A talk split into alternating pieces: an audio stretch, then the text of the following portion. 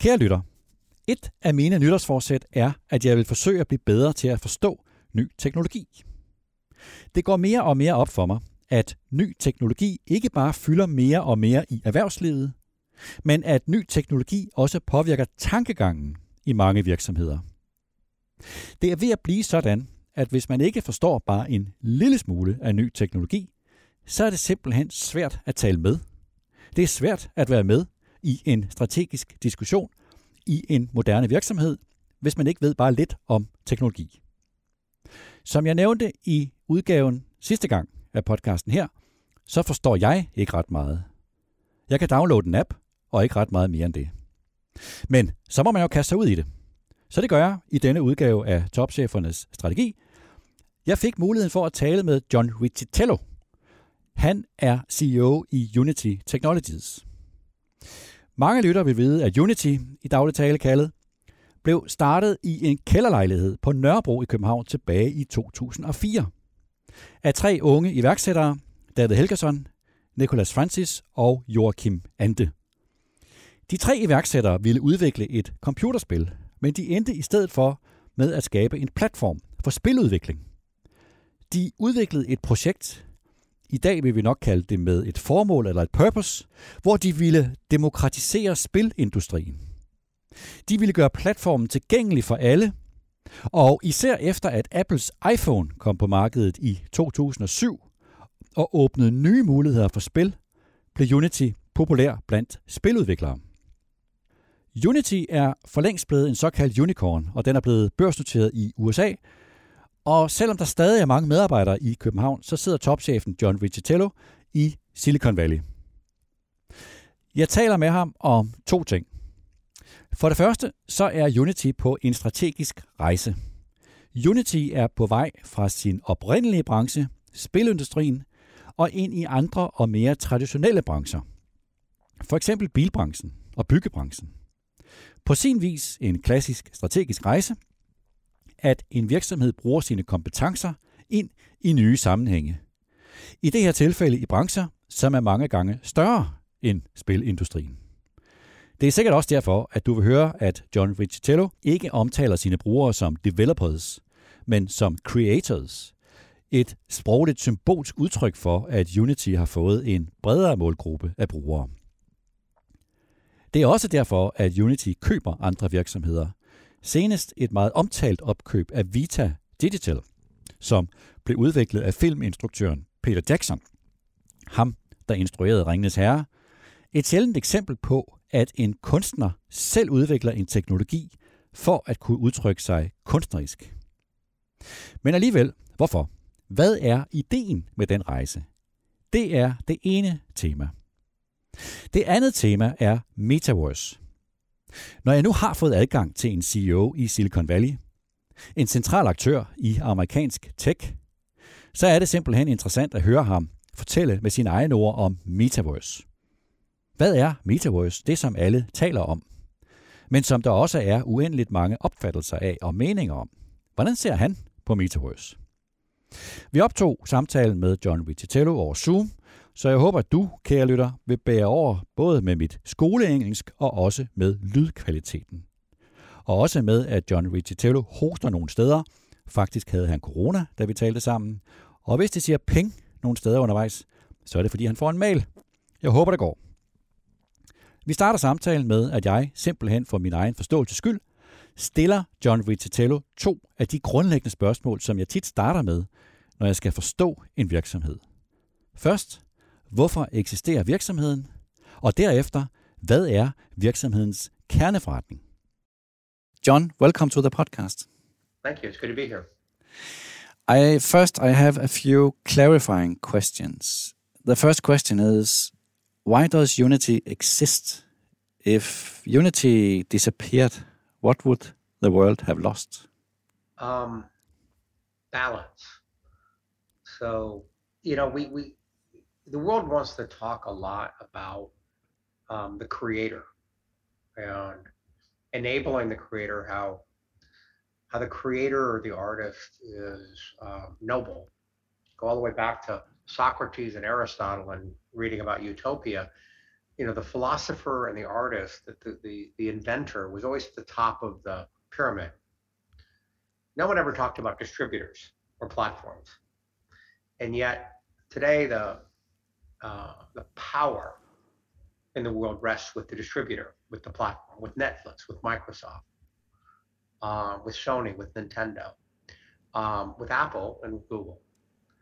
And what Unity does more than almost anything is we put powerful tools in the hands of creators so they're really not trapped inside of any individual walled garden. Um, our tools enable them to publish and benefit economically from all of the platforms. It, it in the balance scale of, of justice around um, that never-ending uh, struggle between an artist. It's always been hard to make money as an artist.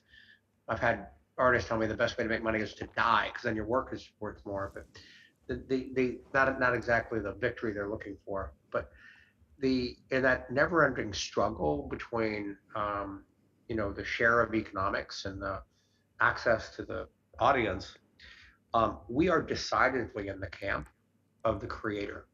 So Unity must exist because creators need um, a scale company with global reach and global wherewithal and advanced technology solutions and facilitation of, of their own economics to stand toe to toe and and and and have a a good and um, significant opportunity as opposed to being trapped inside of a economic model that isn't of their own making. Now, our tools do a lot. It's not just about economic justice, um, but I think you asked why we exist. I think we exist to stand with the creator. Okay, so that's why you exist. Why? What is your core business then? Well, we we have two businesses, and they tie directly to what we just talked about. So it's worth noting that Microsoft makes tools for all the Microsoft platforms to make content. Apple makes tools for the Apple platforms. Sony makes tools for the Sony platforms. Google makes tools for, for Android. Nintendo makes tools for Nintendo. And yet, on all of those platforms, Unity's tools are used more to create content for those platforms than the indigenous self-created tools. So why is that? Um, because developers want to make for multiple platforms to, to, to realize the access to their audience the widest possible manner and then have good economics. You know, you don't have to make it over and over and over again. So the first thing we are is a content creation platform for things that are 3D, real-time, interactive. And you know, more than half of everything made in the world that meets that definition is built in Unity. There's nothing within, you know, miles of where we are. It's a it's a strong position, and we built it step by step, and it serves creators that want to make things. The, the second part of our business is operate, or we call it operate, but it's analytics, it's monetization tools, um, it's a large scale network and access to audience. Um, it's uh, hosting, it's streaming, it's game services. And these are the, the pesky and hard things to do that creators don't always think about, um, but are necessary. Uh, and we provide them at, at extreme scale. And um, very directly, this enables our you know, monetization economics for our, our, our customers. So, you know, we're a create platform and an operate platform that crosses horizontally the vertical platforms created by the platform companies like Microsoft and, and Google and, and Sony and Nintendo. The past decades have seen two trends uh, from which Unity benefits. One from two-dimensional to three-dimensional, and and second from linear to interactivity. Some trend, two trends from which Unity can benefit. Can you explain well, those trends from the Unity point of view?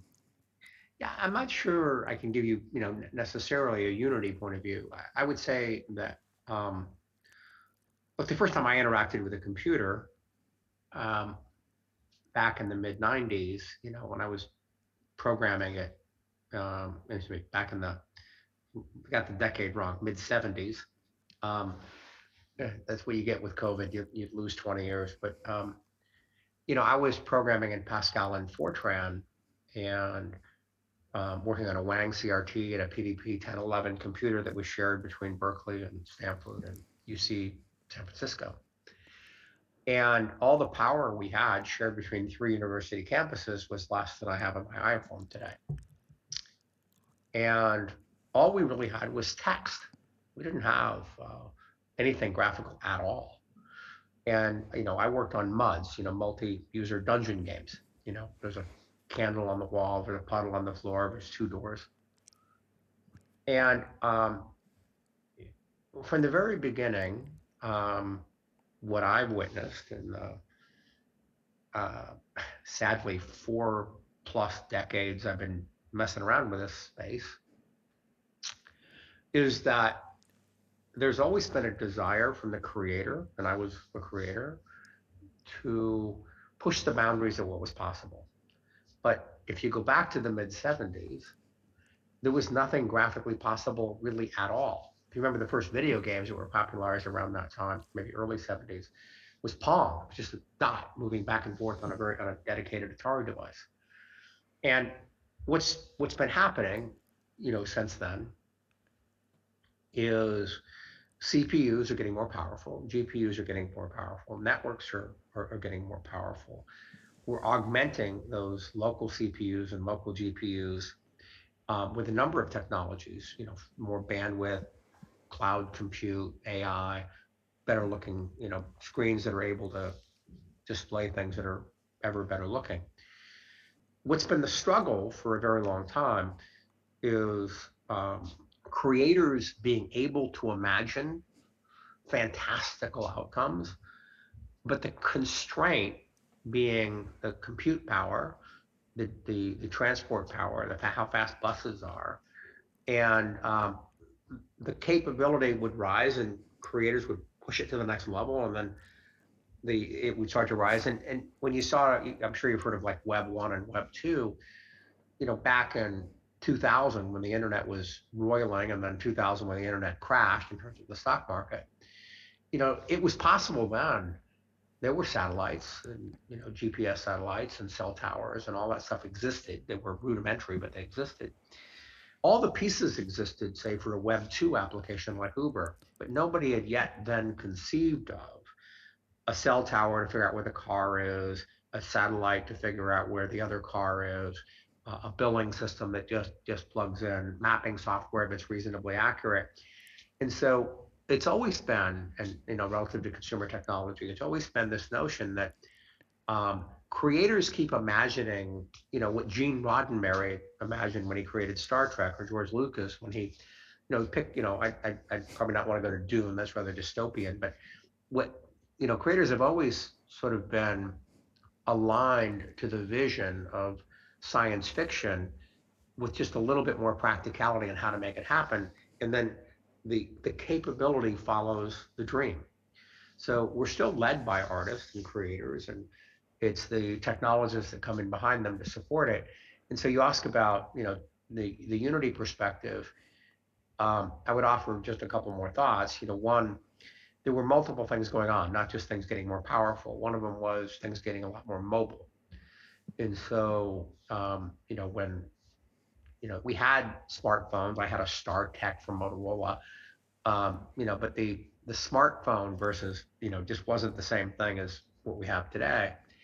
And when apple introduced the iphone and then android followed we ended up putting powerful computers in our pockets and that became the most ubiquitous compute platform on the planet. There's probably close to 4 billion people with mobile devices now.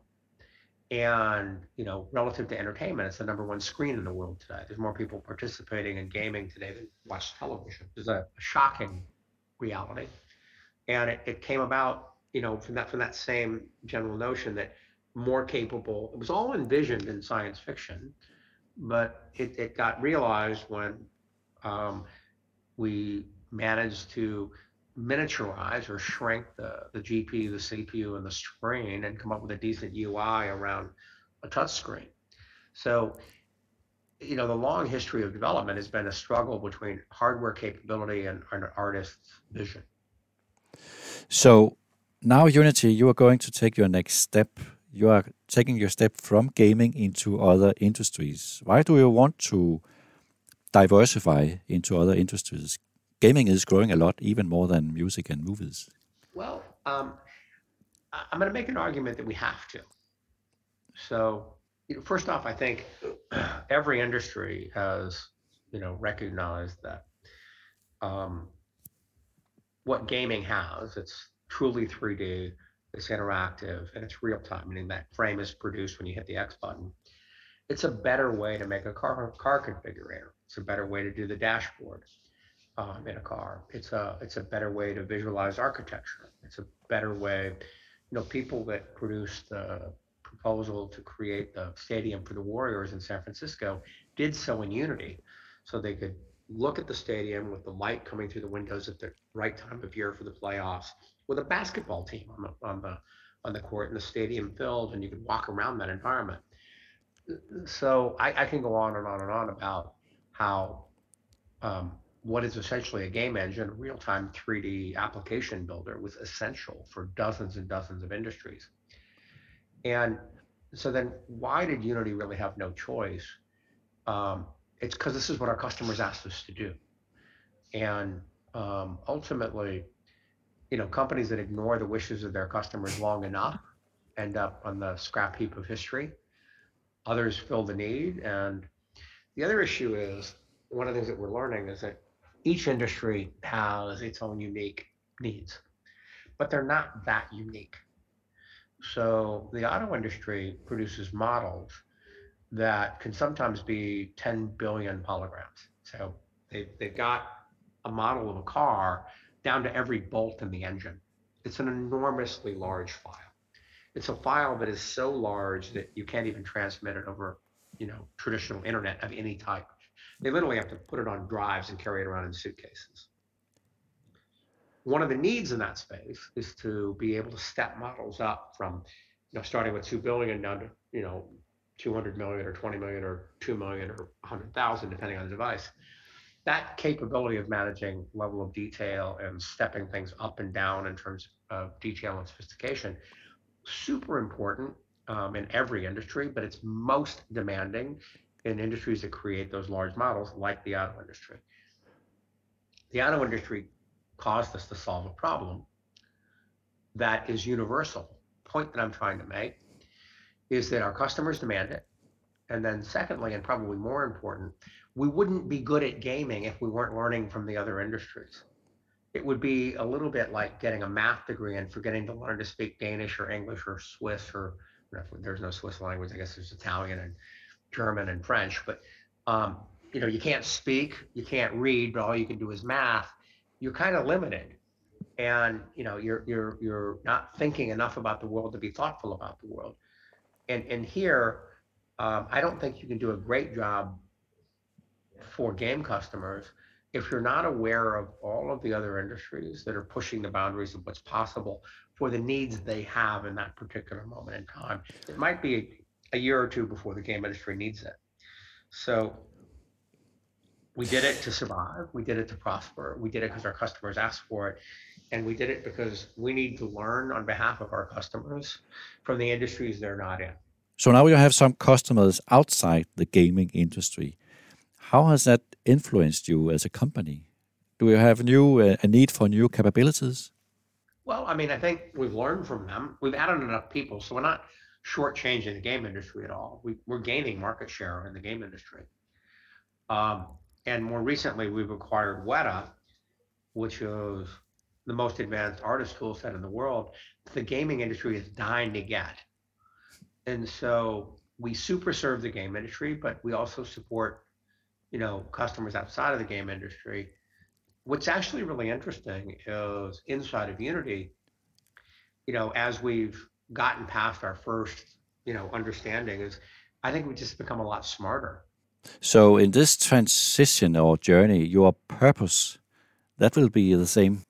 I mean, a way to think about it, I, I think, or at least one way to think about it, is that imagine, uh, for example, that you make race cars, and you have no idea how a jet engine works, none, and you have no interest in studying one. Somewhere down the line, somebody say, hey, there's some technologies in jet engines that will supersede your technology in cars. And so at some point, your car racing business is dead because people with more advanced technology coming from another vector or another sector bring that knowledge to bear and um, beat you. And, and, and that happens in technology all the time. By us um, leading, if you will, in the car engine business, but also in the jet engine business, we're able to bring the insights from both as best we can to customers in each of those solution areas. And I think it's, it's just important enough. There's, there's, there's lots of arguments for narrowing focus and broadening focus, and there's never going to be a, a winning answer that applies in all circumstances. But here, the world will be rendered real-time 3D interactive and spatially aware at scale. That's, I think, what most people mean when they think about metaverse. And to imagine ignoring the learning from hundreds and hundreds of other industries, I think it'd be something a company does at their own peril. Okay, so let's talk about the the metaverse. Can you? I know this is a big question, but just in brief, can you explain to me what the metaverse will be? Well, I mean, I think um, I'd have to be astonishingly arrogant to tell you I can define what the metaverse is because so many, many, many, many people have defined it, and I don't want to necessarily compete with them. Um, I, I, would say a couple of things. Um, the meme that is being passed around from company to company and industry to industry, newspaper to newspaper, website to website, is not actually very helpful right now. Um, I don't think it's clarified a lot. Um, and I think the reason for that is that so many of the demos that companies have put out are probably 10 or 20 years away in terms of being realized. And so no one really knows when and if some of the stuff is going to happen. Um, rather than deciding when we're in the metaverse versus when we're not in the metaverse, I'll give you a, a more pedestrian way to think about it. Um, and sort of in a category of like Occam's razor, the simplicity is usually closer to truth than complexity. Um, we've gone from, and, and we traced this earlier, from the internet being text based and without graphics. And what I would argue, web the difference between Web two and Web three is Web one got us all the way to pictures, Web two got us to video, got us to games, got us to 3D, got us to interactivity. And so it's markedly different, you know, world without with Uber and without Uber, a world with Instacart versus not having Instacart or whatever grocery delivery system. Always new things. And I would say the vast majority of, of the internet today is not 3D, it's not interactive, it's not spatially aware or context aware. It doesn't know where you are, who you are. Um, and it's it's not truly 3D. I've already covered 3D. This is like cold getting at me here. So my sense is step by step from here as we see more power in our networks, things that things that are 2D will become 3D. Things that are um, not interactive will, will, will become interactive. Things that are not real time will become real time. And things that are not spatially and contextually aware will become more contextually aware in some combinations of those virtues 3D, real time, interactive, aware some combinations of those things are going to take the user, the, the, the, consumer, from a place where they think like, I'm looking at a computer screen and data is coming to me, to um, I've entered a world where um, it's worth investing for my social credibility. Like this is a this this is a parallel place that is important enough that it's worth investing around some level of credibility. Now, if you're a gamer, and I don't know that you are, but gamers have been living there for a long time. So if you go to uh, like a League of Legends uh, tournament, people that have never seen each other physically, they've only looked at each other's avatars or facsimiles of an avatar. And yet there's the social hierarchy around, you know, who's top of the heap and not so top of the heap if you play World of Warcraft, or back in the day you played Ultima Online, you play Star Wars: The Old Republic. Um, these persistent, you know, sort of multiplayer games have within them a, um, a a, reality where people think of their status, their progress as as important as it is um, in the real world, or at least you know significantly so um, that way. And um, you know, look, if you if I want to trace it back a little bit, most of us were brothers and sisters and nephews and nieces and parents and co-workers and soccer players. We have social um, investment in the many versions of ourselves. And I think the metaverse starts to happen when some combination of 3D interactivity, spatially aware, in real time come together where it's worthy of that, you know, social recognition. And the early, you know, canaries in the coal mine, the people that were there first telling us what it would be like, are gamers. And the first person that told us who it would be like was Neal Stephenson. He wrote a book in, I think it was early 80s called Snow Crash. He termed uh, the word avatar for the first time. And he had a character, uh, a fellow named Hero Protagonist. You can see that coming from a mile away.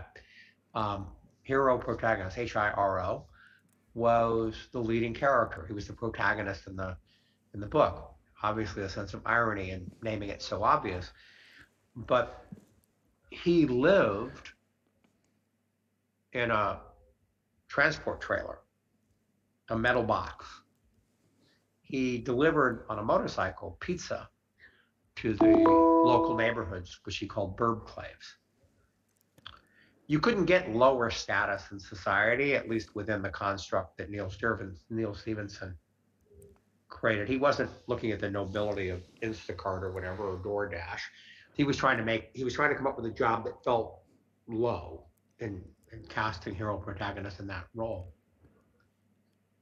And yet, hero protagonist with his AR glasses on had very advanced technology and he was at the very top of society.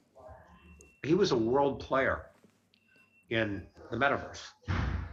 And so what Neal Stephenson painted in Snow Crash was a parallel world where if there were a caste system, hero protagonist was in the bottom caste in the tangible world, and he was in the top cast or near top cast in the metaverse, and both were valid. And I think a lot of you know your listeners or readers will will will hear when I say that it's worth investing social credibility in this parallel world of the metaverse is sounding kind of like uh, techno babble and bullshit.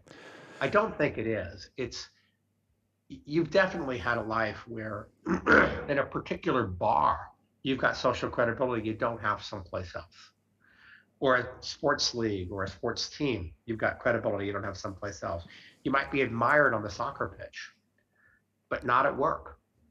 Does that mean you're high status or low status? It just means in one version of your life, you're high status, and another version of your life, you're low status. I'm a CEO in Silicon Valley. That's pretty revered around here. I have high status. Um, I'm a mediocre tennis player. When I go to the club, I'm kind of medium status. And when I try to surf, and I, I took some um, you know, surfing lessons a couple years ago and tried to learn to kite surf.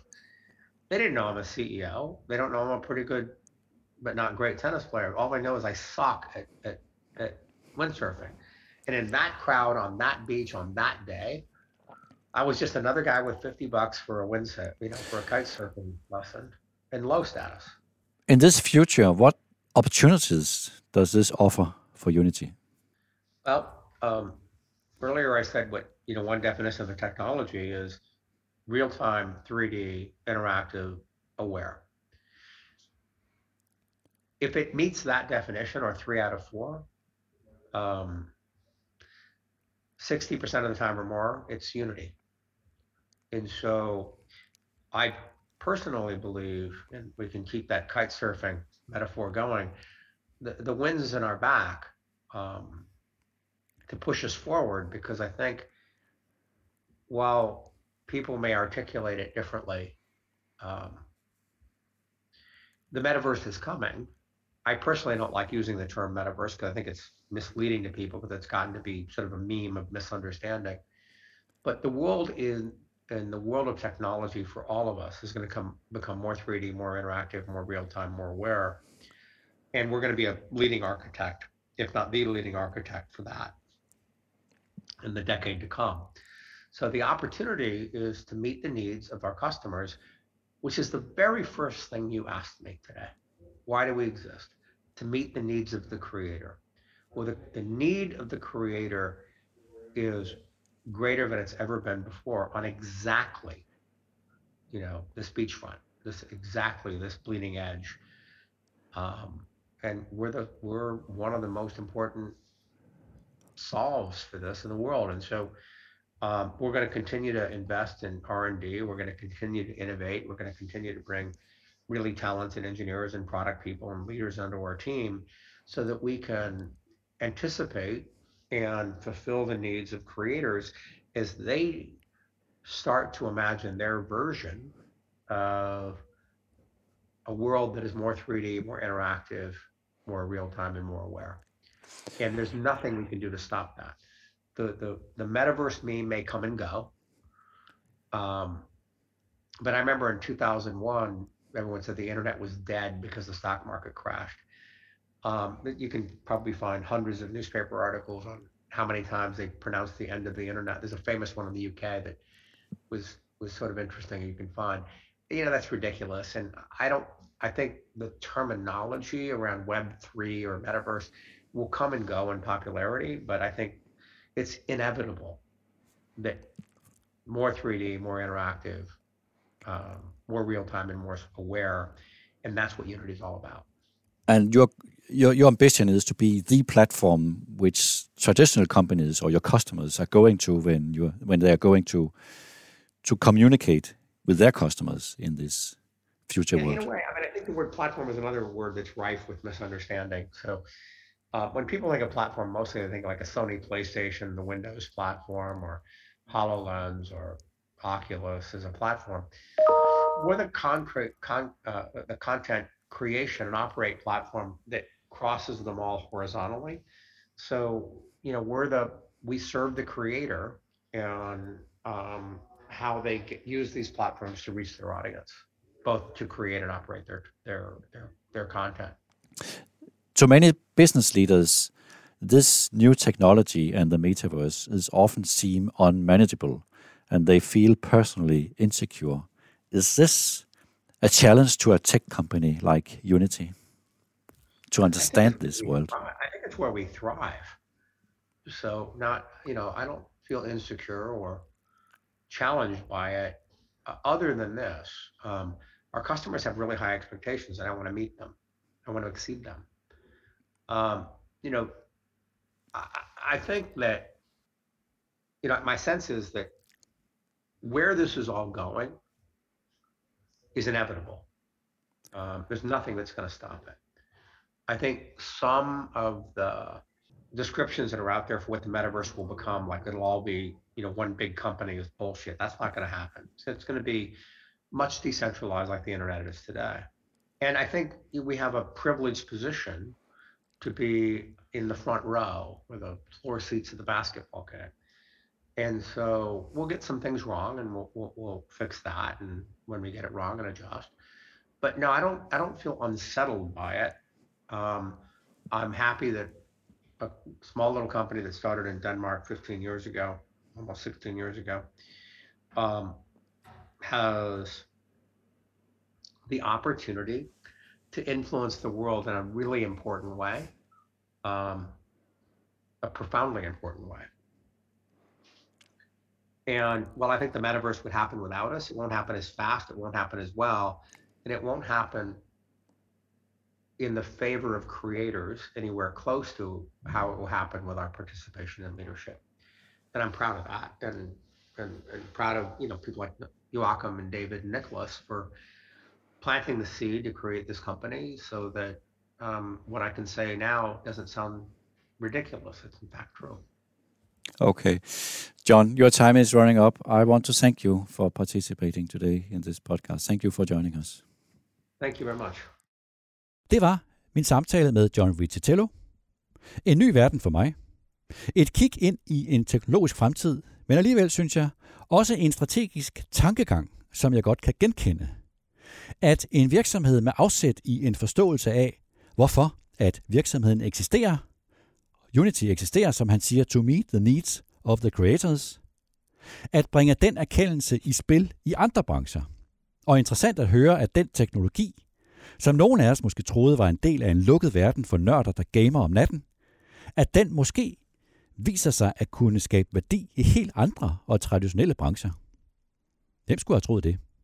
Og så tror jeg, at jeg skal se at få læst bogen Snow Crash af Neil Stevenson. Et tidligt litterært bud på en parallel verden, som nu åbner sig, og som mange år efter bogen udkom, takket være teknologi, åbner sig som en kommersiel verden, som små og store teknologivirksomheder er i fuld gang med at orientere sig ind i. Tak til videojournalist Peter Emil Witt, der redigerede optagelsen, og tak til dig, der lyttede med.